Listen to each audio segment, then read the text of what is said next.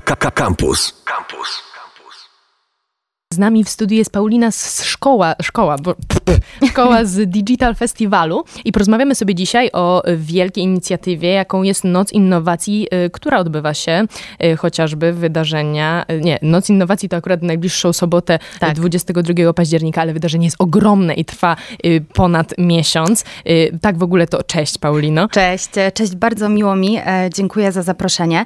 E, Noc Innowacji rozpoczyna się 22 października, czyli już w najbliższą w sobotę, ale I warto zaznaczyć, że Noc Innowacji nie jest tylko w nocy. Noc Innowacji nie jest tylko w nocy, to jest 24 godziny wypełnione po prostu e, ciekawymi wydarzeniami, które przybliżają nam nowe technologie. Natomiast warto powiedzieć, że Noc Innowacji jest w ogóle częścią Digital Festiwalu, czyli takiej największej edukacyjno-technologicznej inicjatywy w Polsce, która przybliża Polakom, otwiera im świat nowych technologii, pozwala zdobyć nowe kompetencje, e, pozwala przełamać przede wszystkim obawy przed nowymi technologiami i pozwala przygotować się na więcej, bo nowe technologie i cyfryzacja to po prostu więcej możliwości.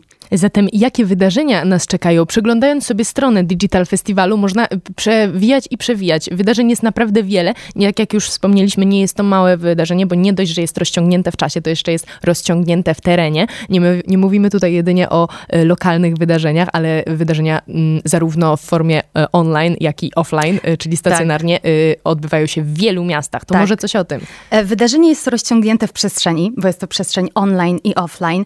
Ponad 100 wydarzeń, ponad 20 miast w całej Polsce, więc e, każdy znajdzie coś dla siebie. Rozpoczęliśmy od tego, jaki jest cel Nocy Innowacji i też takie właśnie odbywają się wydarzenia. Przede wszystkim dla osób zainteresowanych nowinkami technologicznymi.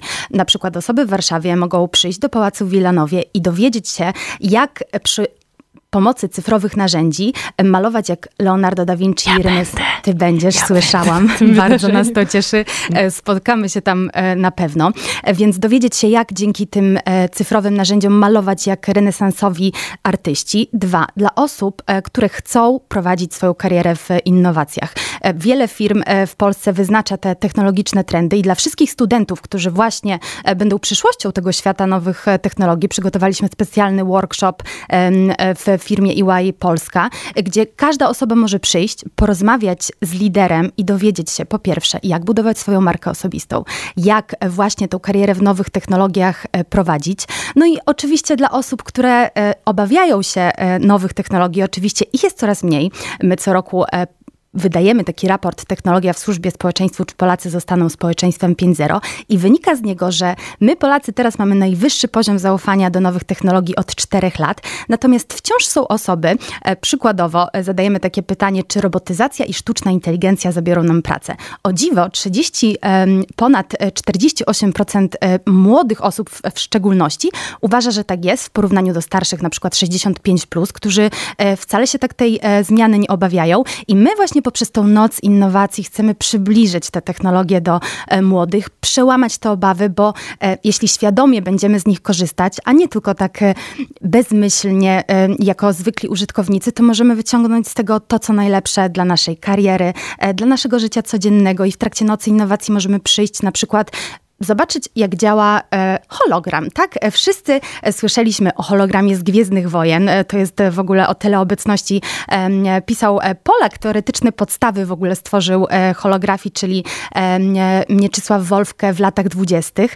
A my możemy przyjść i zobaczyć, jak ta technologia się rozwija, bo ona będzie przyszłością dla wyświetlaczy, dla różnego rodzaju cyfrowych e, narzędzi i możemy przyjść do Akademii Leona Koźmińskiego, na przykład dowiedzieć się, jak ta teleobecność w ogóle e, i przemieszczanie działa, czy to science fiction, a może już rzeczywistość, e, jak po prostu wykorzystać te wspaniałe, po prostu wspaniałe dary, jakie nam nowe technologie dają, bo musimy o tym pamiętać, że technologia jest dla każdego i przede wszystkim dla nas i to my decydujemy o tym, jak chcemy ją wykorzystać w życiu, więc Noc Innowacji jest idealnym czasem, aby po prostu rozpłynąć się w tych nowych nowych technologiach, odwiedzić najfajniejsze miejsca w Polsce. E, duża część wydarzeń po prostu jest online, więc nawet jeśli coś dzieje się na przykład w Białymstoku, Noc Innowacji po inżyniersku, e, patrzymy na przykład czym jest grafen, o którym tak dużo się mówi w mediach od paru lat i ma być przyszłością dla wielu zastosowań medycyny, czy chociażby